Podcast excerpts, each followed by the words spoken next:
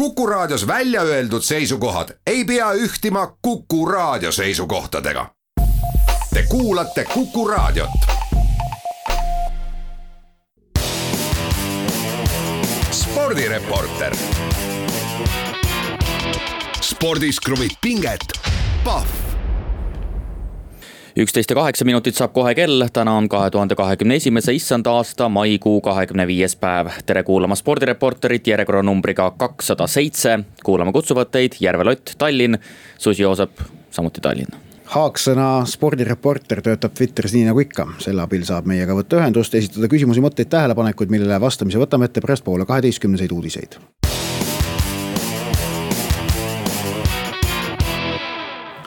aga alustame saadet nagu ikka kiirete ja aktuaalsete teemadega ning meie teemaks number üks äh, sellel nädalal, kui eetris spordireporteri kahesaja seitsmes episood on autosport.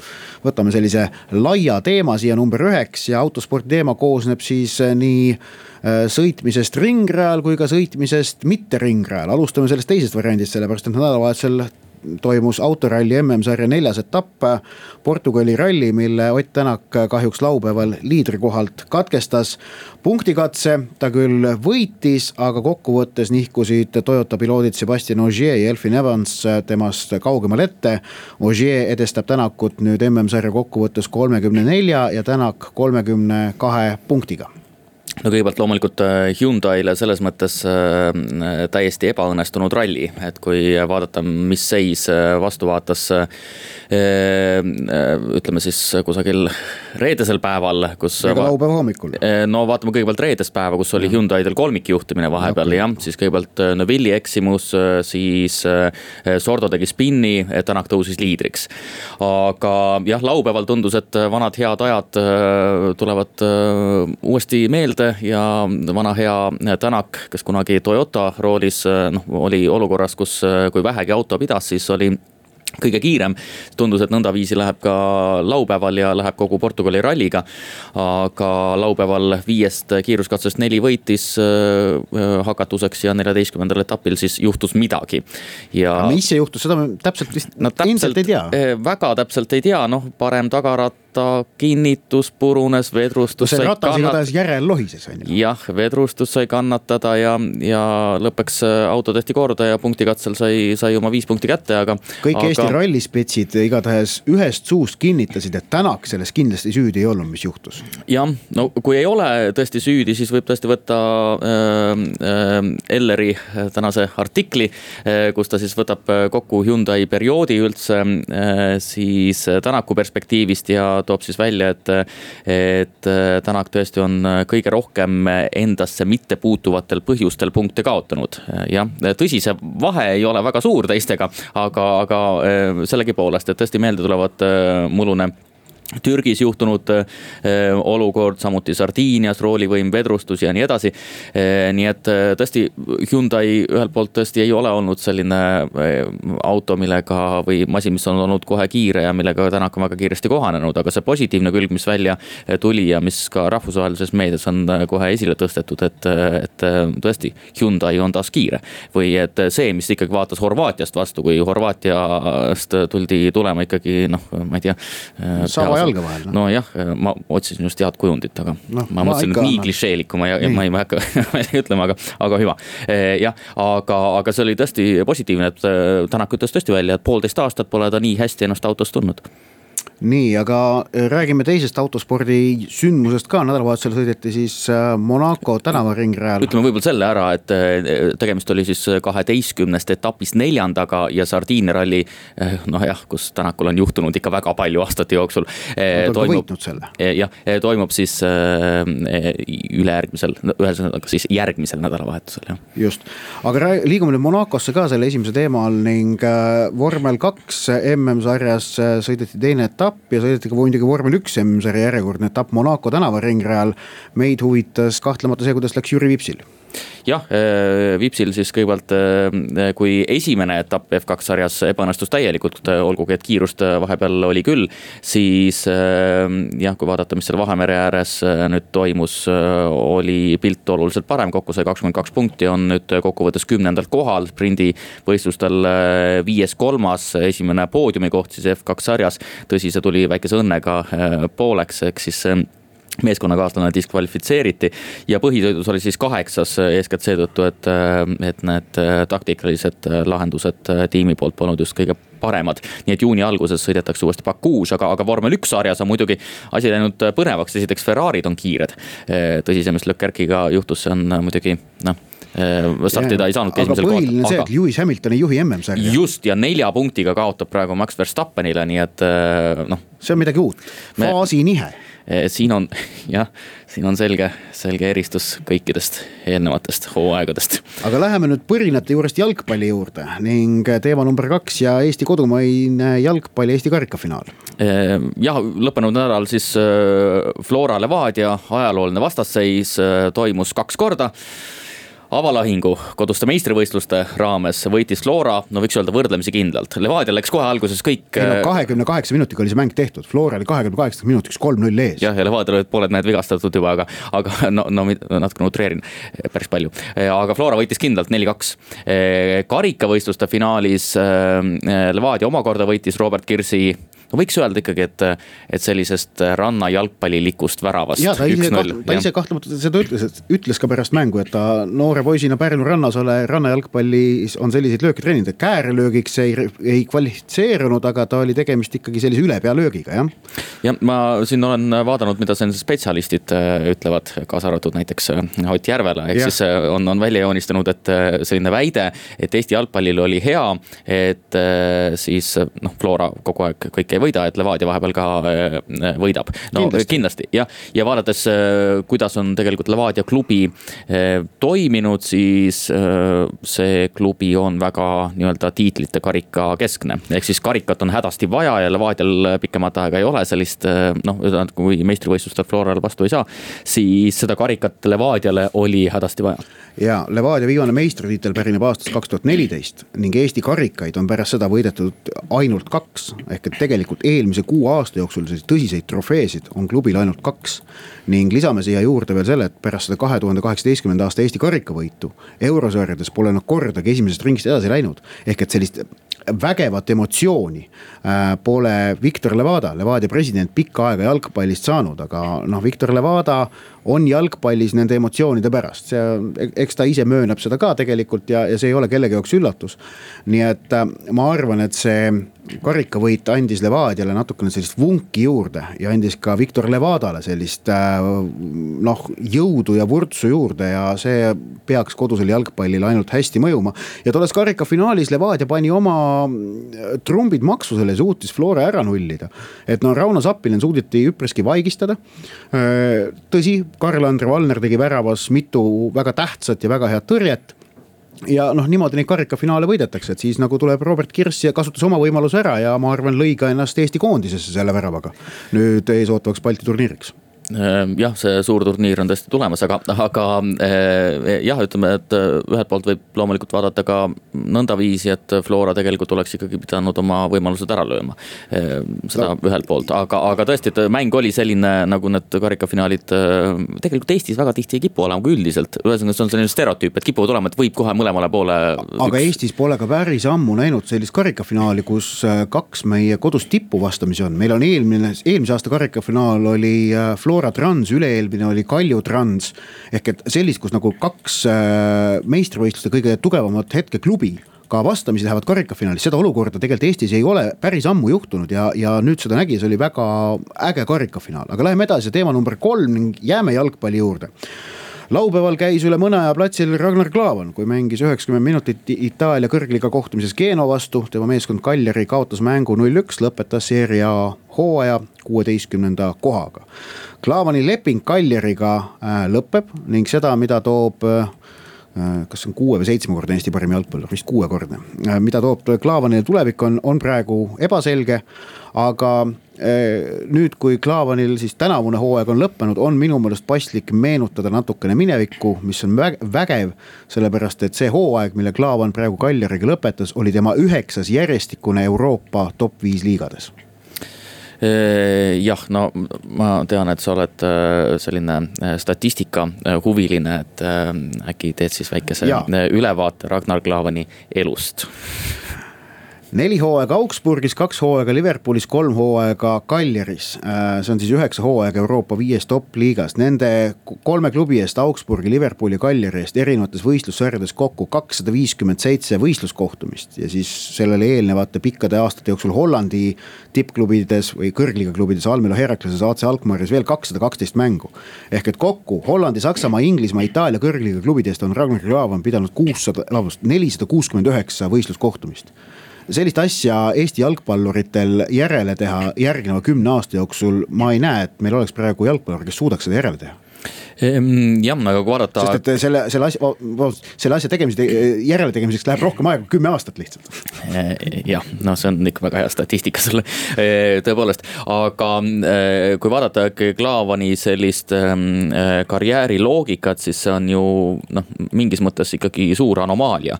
puhtalt seetõttu, et tõesti iga kord, kui ta on teinud mingisuguse sammu Voolerengast Almelo Heraklesse või Heraklesest AZ-i või AZ-ist ka Augsburgi eh, siis see on väike samm edasi.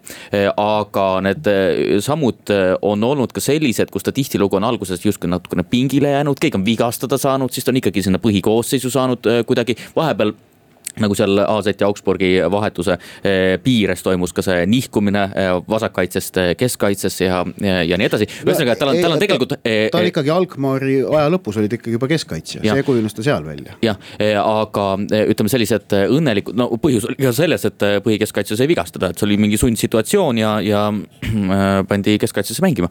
nii et tal on selles mõttes ka nagu täiesti loogiliselt need arengud toimunud Liverpooli alguses nõnda samuti ja mis on ikkagi kõige tähelepanuväärsem naeruväärsemom on see et Klaav on tegelikult karjääri vältel püsinud terve kogu aeg. ja, võtame nüüd teema number neli ka ja räägime kaks sõna kurlingust.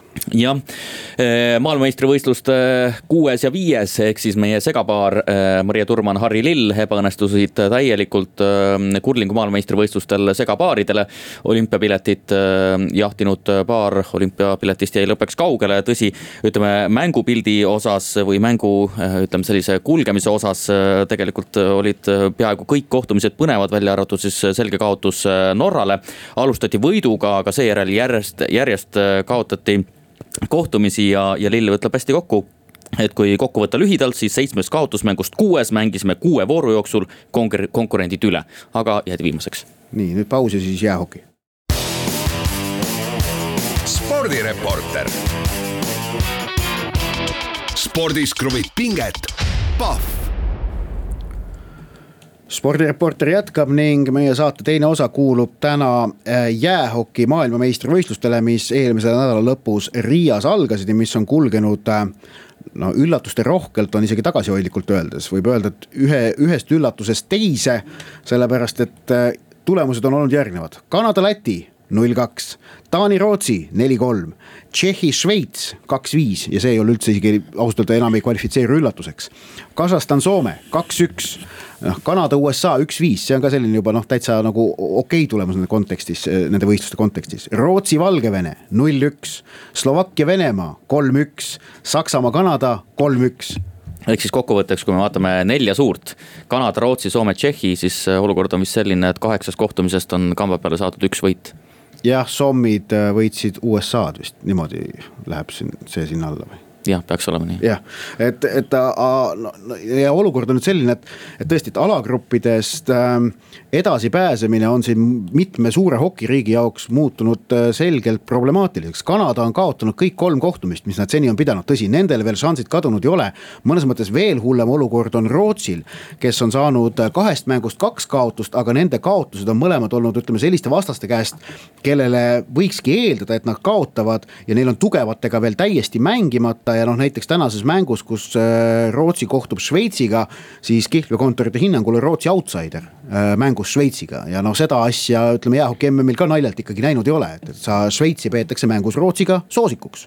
ja, ja kui vaadata B-grupi seisu siin praegu Saksamaa juhib Läti ja Kasahstani ees järgnevad Soome, USA. ja no täisedu on ühes alagrupis Slovakkial, teises on see Saksamaal ja, ja tõesti, et noh, et Kanadal on küll kolm kaotust, aga samas neil on mängida veel Itaalia, Norra Äh, Kasahstani ja Soomega, et noh, kui nad Itaalia, Norra, Kasahhid ära võidavad, siis nad võiksid isegi veel edasi saada sellest äh, B-alagrupist. Äh, ja aga, aga A-alagrupis on tõesti siis, et noh, et nii Tšehhi ja Rootsi on keeruline näha, et nii Tšehhi kui ka Rootsi mõlemad edasi saavad. mis tähendab, emb-kumb neist jääb ilmselt veerandfinaalist välja. jah, no Rootsi pole kunagi jäänud ee, välja, aga tõesti neid, kui põhjuseid hakata otsima, siis need põhjused on tegelikult ju mingis mõttes väga selged, et ühelt poolt võib vaadata juba et kuidas äh, suurriigid äh, on komplekteeritud. Äh, ja see loogika ongi selline, et ikkagi suur osa paremikust on nii ehk nii kõrval. see on, see on esimene tasand. no Rootsis, Root-, näiteks Rootsil paljud tippmängijad ütlesid, et nemad tahavad puhata, et noh, koroo-, kaks hoo-, kaks koroonahooaega on selja taga ja ei tõmba see mm praegu, tahavad puhata ilmselt mingi üks silm on ka juba järgmise aasta taliolümpial, on ju, et noh, pannakse sinna äkki panused. ja Rootsil ongi koondises vist üheksateist debütanti, MM-debütanti. jah, aga jah, kui vaadata nagu sellel tasandil puhtalt, siis on ka mingis mõttes loogiline, et kui vaadata, missugune on MM-i ja olümpia eh, vahe, siis on mingis mõttes loogiline, et eh, nii-öelda MM ohverdatakse. aga teine tasand on see, mis on seotud natukene selle jäähoki MM-i turniirisüsteemiga üldiselt. ehk siis eh, tihtilugu ongi nii, et ka suurriigid võtavad noh, alguses võrdlemisi iseenesestmõistetavalt, et kui me ka alguses kaotame, näiteks Kanada on tihtilugu kaotanud alguses. et nad saavad ikkagi edasi ja järk-järgult lähevad paremaks, ehk siis kui nad kus, kusagil lennujaamas kokku saavad, eh, polegi nad kokku veel hakanud mängima. et vaadates Kasahstani koosseisu, kus äh, kõik mängivad äh, seal Nur-Sultanis sisuliselt, et noh, kokkumäng on märgatavalt parem, et järk-järgult ilmselt, ilmselt kõik suurriigid lähevad paremaks aga samas on ka selge see, et, et jäähoki MM-il see tase nüüd viimaste aastate MM vaadates ongi nagu läinud natukene ühtlasemaks. suurriikidel ongi oma paremuse maksmapanek muutunud veidikene keerulisemaks. seal näiteks üheks põhjuseks on selgelt ka Valgevene ja Kasahstani puhul nähtav see, kuidas nad on kodustanud endale mängijaid. ehk et äh, noh, kui, kui äh, Kasahstani ridades mängivad Jesse Blacker, Curtis Valk ja Viktor Svedberg ning Valgevene ridadest Nick Balen, Geoff Platt Danny Taylor ja Shane Prince, siis noh noh. kõik need nimed on nii tuttavad. ei no nimed tõesti tuttavad ei ole, aga no selge on see, et, et äh, nad on endale Kanadast äh, hokimehi värvanud äh, koondisest mängima, see on üks asi. teine asi on see, et, et noh, näiteks Šveits ja Saksamaa, et kui Rootsi NHL-i staarid ütlevad tõesti ära, et ei, me sinna MM-ile ei tule, siis Šveitsil ja sakslastel seda asja naljalt ei juhtu, Taanil ka mitte. et nende, need väiksem, nõnda öelda väiksematel hokiriikidel on lihtsam oma paremaid MM-ile kohale saada, seal on see MM oluliselt suurem motivaator. ning ma usun näiteks see, et Šveits on saanud kaks kaks MM-hõbedat siin viimase kümne aasta jooksul, kaks tuhat kolmteist ja kaks tuhat kaheksateist, et Saksamaa jõudis PyeongChangi taliolümpial finaali. see on kõigile sellele nõnda öelda teisele ešelonile andnud sellist uut jõudu ja tahtmist, eh, sest ta on näidanud, et on võimalik midagi saavutada. ja kahtlemata nende hokimeeste karjäärist, eh, kui nad kunagi karjääri lõpetavad, selline MM-medal kaasa võtta Šveitsi või Saksamaa hokimehena, see on väga vägev asi, mis karjääris kaasa võtta, see motiveerib tohutult. jah, ühesõnaga nii-öelda eh, Euroopa keskmike või seal tipule lähemal olevate riikide mängijate motivatsioon osaleda koondises ja koondisega edu saavutada, ütled, on, on suurem. no mis on mingis mõttes ka mõistetav ja mm praegusel hetkel on ka koht, kus, kus seda tulemust tegelikult teha, sest ettearvamatust on noh, nagu, nagu öeldi juba enne MM-i päris palju.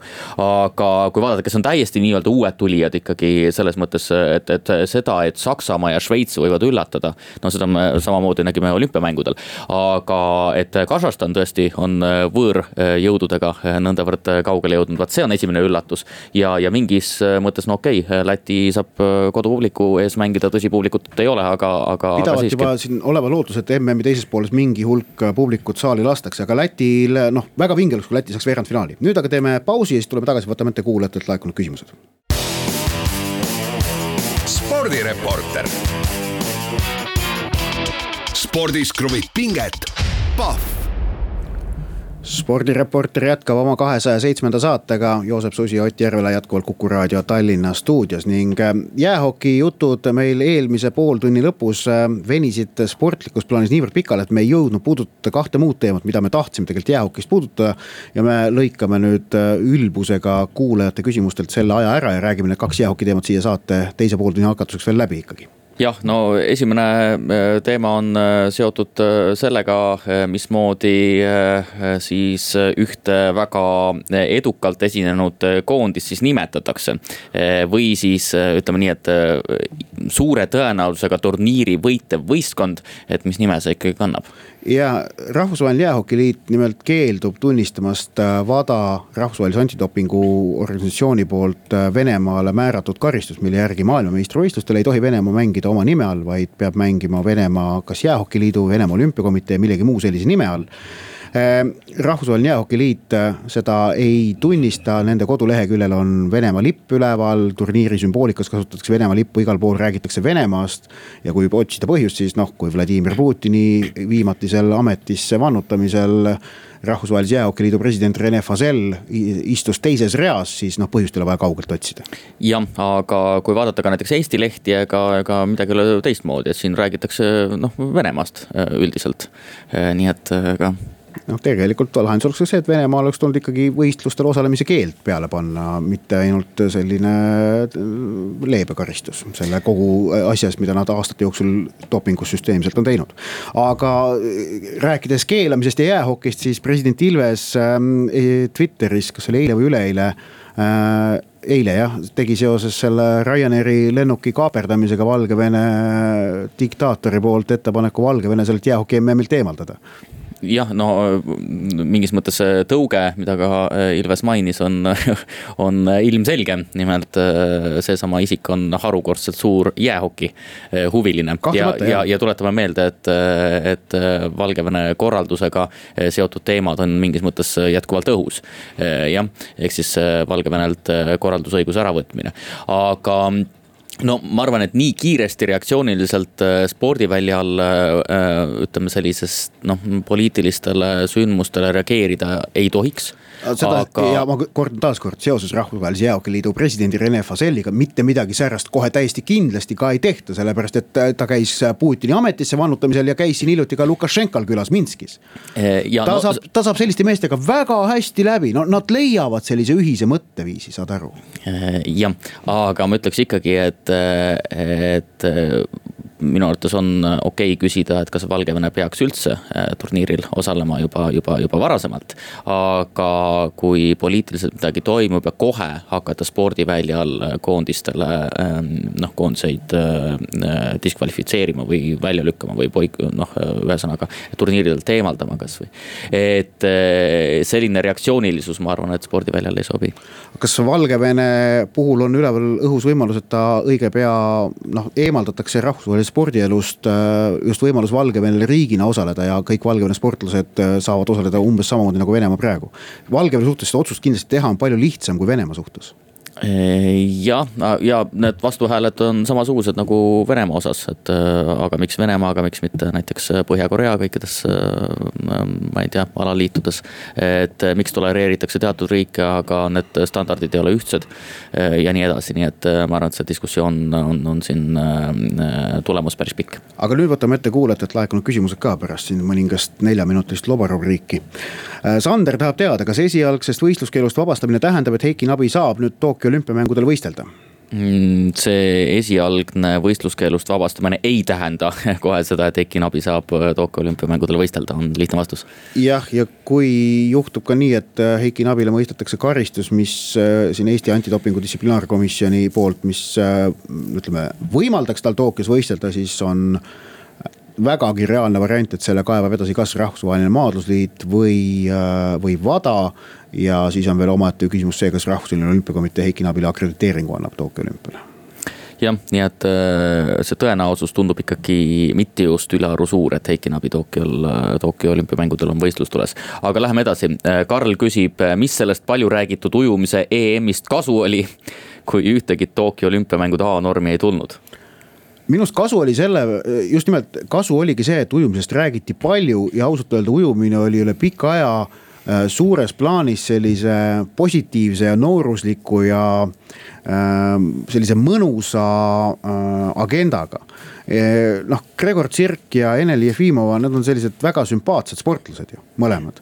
ja, ja tõsi jah, Tsirgil kahjuks sellest A-normist jäi puudu ja, ja see on murekoht, aga nagu, nagu, sest nagu ka Martin Liivamägi ETV stuudios välja tõi, et, et nüüd, kui tuleb seda normi edasi püüda, siis seda väiksemaks jääb see aeg, mis on võimalik olümpiamängudeks mõistlikult valmistuda, ehk et olümpiamängudel tulemuse tegemise tõenäosus Äh, väheneb äh, üha, kui olümpianormi pole käes jah, äh, aga mingis mõttes jah, huvitav oleks äh, teada saada ka vaatajanumbrid, et äh, tegelikult väga mahukaid ülekandeid tehti Rahvusringhäälingus. millel on kindlasti väga palju positiivseid, aga ka, aga ka selliseid noh, kummalisi tunnuseid, aga, aga võib küll öelda, et näiteks olümpiamängudel, kus on ujumisülekanded väga mahukad, siis tegelikult niivõrd palju tähelepanu ujumine ikkagi ei pälvi. et praegusel hetkel ujumisel oli see ikkagi väga kasulik periood, väga positiivne positiivses aga... valguses mahukad ülekanded, oli tähelepanu keskpunktis ja nii edasi ja mitte see... ainult Rahvusringhäälingu äh, kanalites, vaid, vaid ka laiemalt. see on Eesti olümpiaülekannetes läbi aegade olnud üks suur viga, et ujumist on niivõrd palju näidatud. Äh, sellepärast, et tegelikult on kõik need eelujumised on ikkagi maru igavad, et olümpiamängude esimesel nädalal, kui ujumist väga palju näidatakse, tuleks näidata hoopis pallimängude eelvõistlusi, alagrupi mänge, erinevaid pallimänge, see oleks palju huvitavam. Läheme küsimustega edasi. Klaara tahab teada, selgub, et vahepeal on jalgpalliliit endale presidendi ja juhatuse valinud, erilisi muudatusi juhatuses muidugi ei toimunud. miks ei eelnenud avalikke arutelusid, miks ei ole uusi nimesid, kas tegemist on autokraatiaga?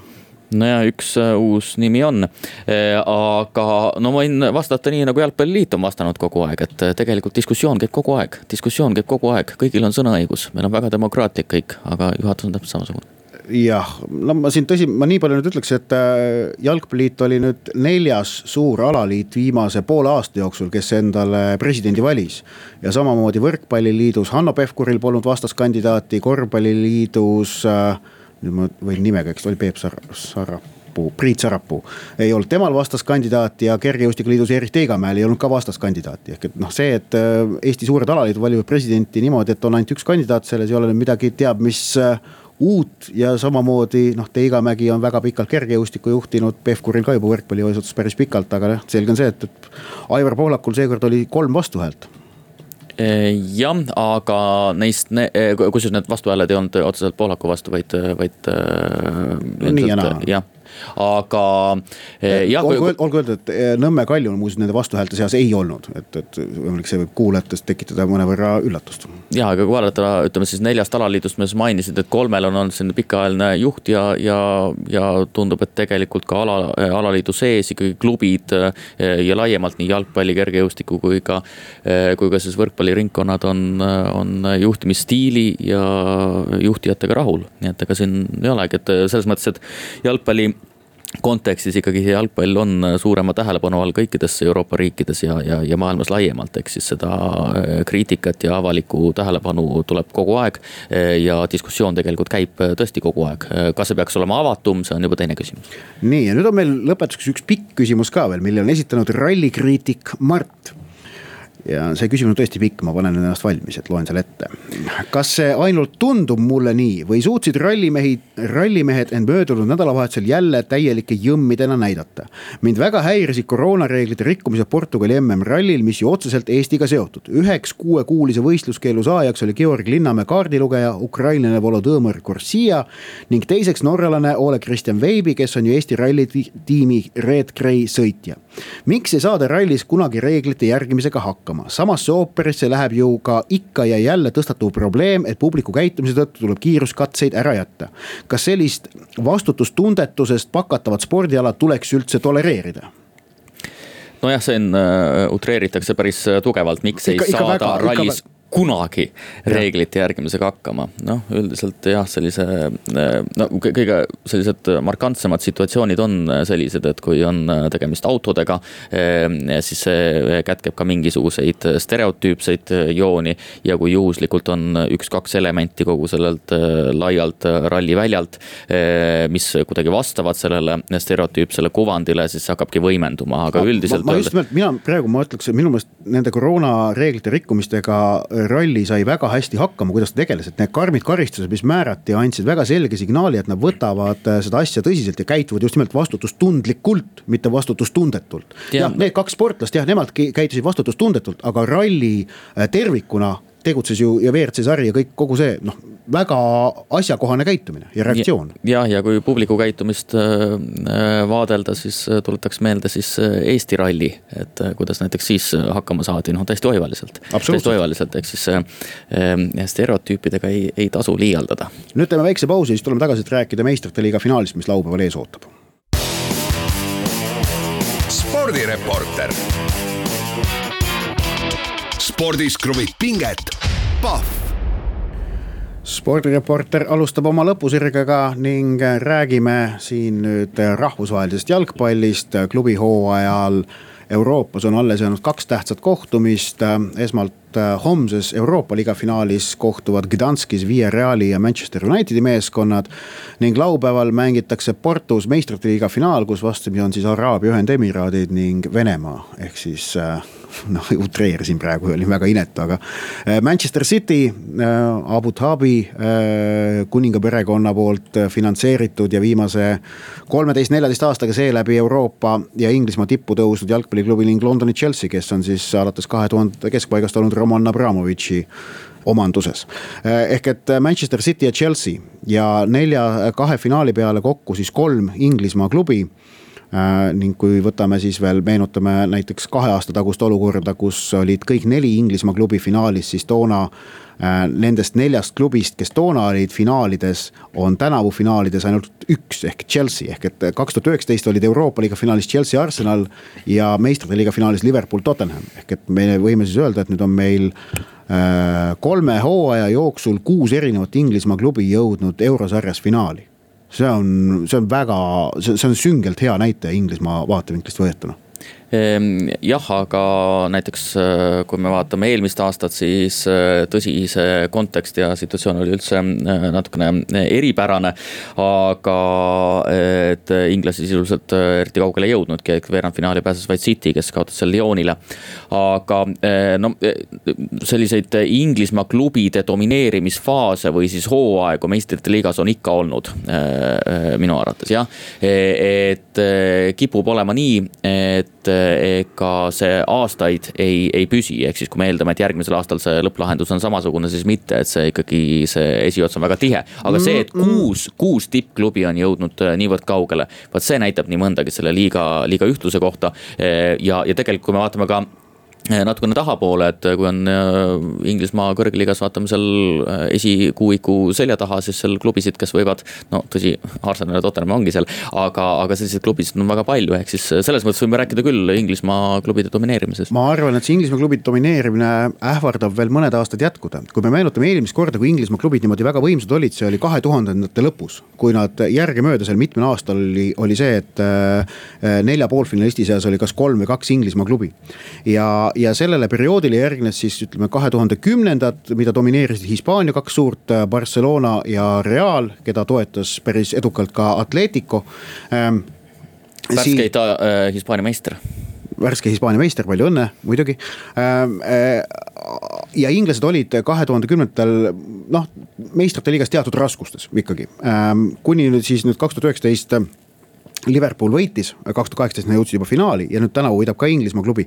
mul on tunne, et selle kahe tuhande kümnendatega Inglismaa tippklubid kohanesid äh, muutunud olukorraga Premier League'is. mis omakorda, kus konkurents oli muutunud tihedamaks, sellepärast et see teine ešelon, need klubid kohtadel seal ütleme kuues kuni kaheteistkümnes olid muutunud niivõrd tugevaks, et äh, et Premier League'i klubidel Euroopas edu saavutamine oli selle võrra keerulisem, et neil oli nagu kodused meistrivõistlused oli kurnavamad. praeguseks paistab, et Inglismaa tippklubid on kohanenud nüüd selle noh olukorraga Premier League'is ja suudavad ka selle kõrvalt nüüd ka Euroopas tulemust teha. E, ja, ja kui nad on sellega kohanenud, siis muidugi see ähvardab ikkagi mõnda aega jätkuda, sest et noh, see, et Chelsea ja Manchester City on praegu finaalis, näitab seda, et lõpuks ikkagi rahaga on väga palju võimalik ära teha, nagu näitab ka see, et Pariis Saint-Germain oli eelmine aasta finaalis. Äh, ja rahalises plaanis on Inglismaa Premier League'il ikkagi ülejäänud Euroopa ees praegu väga selge eelis, kui me vaatame suurimate tuludega jalgpalliklubisid, kui me vaatame kõige väärtuslikumaid jalgpalliklubisid. kõikides nendes edetabelites annab Premier League väga jõulist tooni niimoodi, et kui seal Premier League'ist on esikümnes kuus esindajat, siis ülejäänud Euroopast neli, noh um, see on laias laastus, see seis on selline.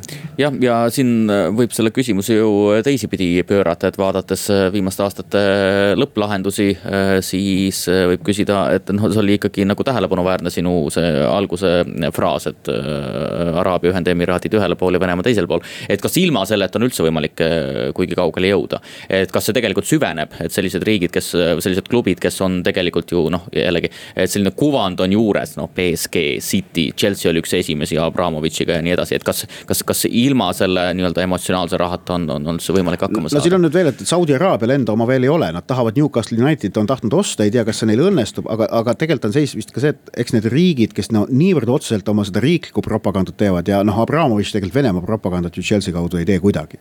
et, et tõsi, aga Manchester City ja Pariis Saint-Germain on vastavalt Araabia Ühendemiraatide ja Katari väga selged eriprojektid, pehme jõu äh, vahendid.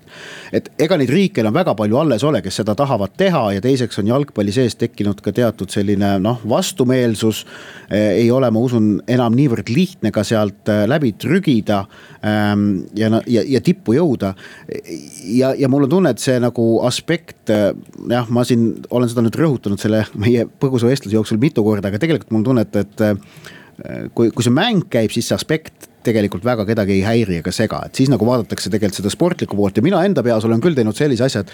et kuigi mulle ei meeldi Pariis Saint-Germaini ja Manchester City see ideoloogiline pool, siis samas see, mida nad jalgpalliväljakul pakuvad. no näiteks no Manchester City tänavust meeskonda ja seda mängu mitte nautida minu meelest on võimatu, see on, see on väga suurepärane jalgpall, mida Peep Guardiola on oma meeskonna pannud mängima.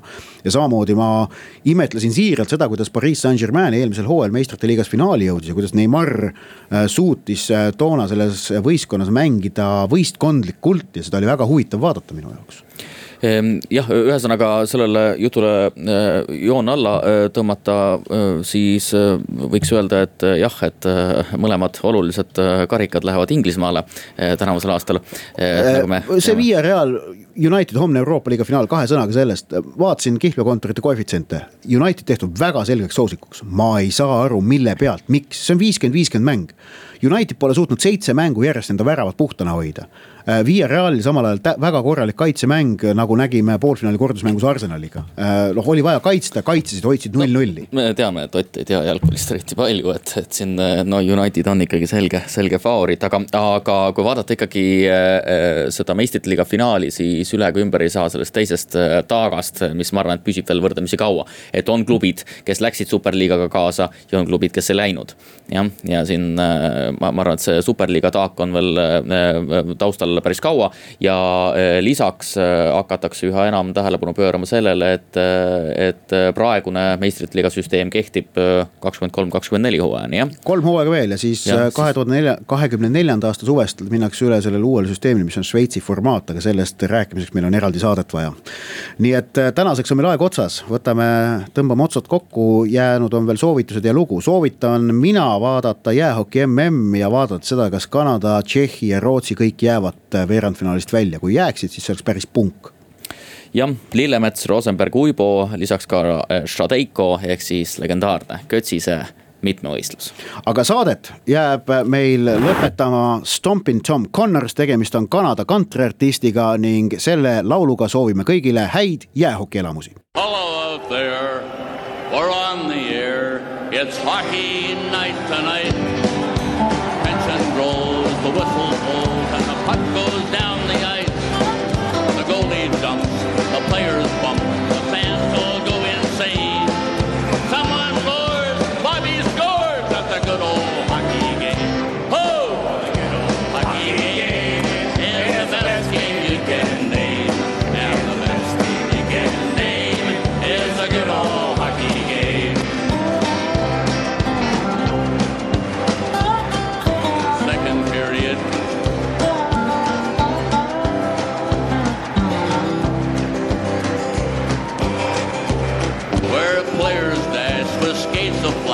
The home team trails behind.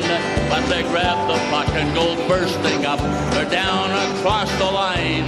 They storm the crease like bumblebees. They travel like a burning flame. We see them slide the puck inside. It's a 1-1 hockey game.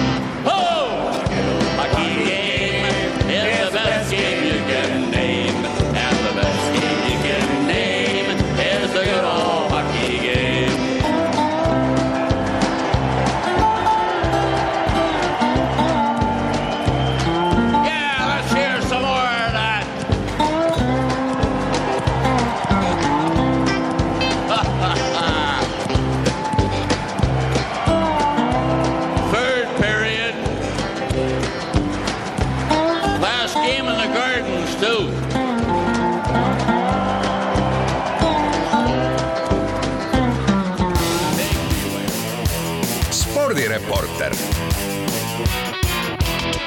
Spordis kruvib pinget,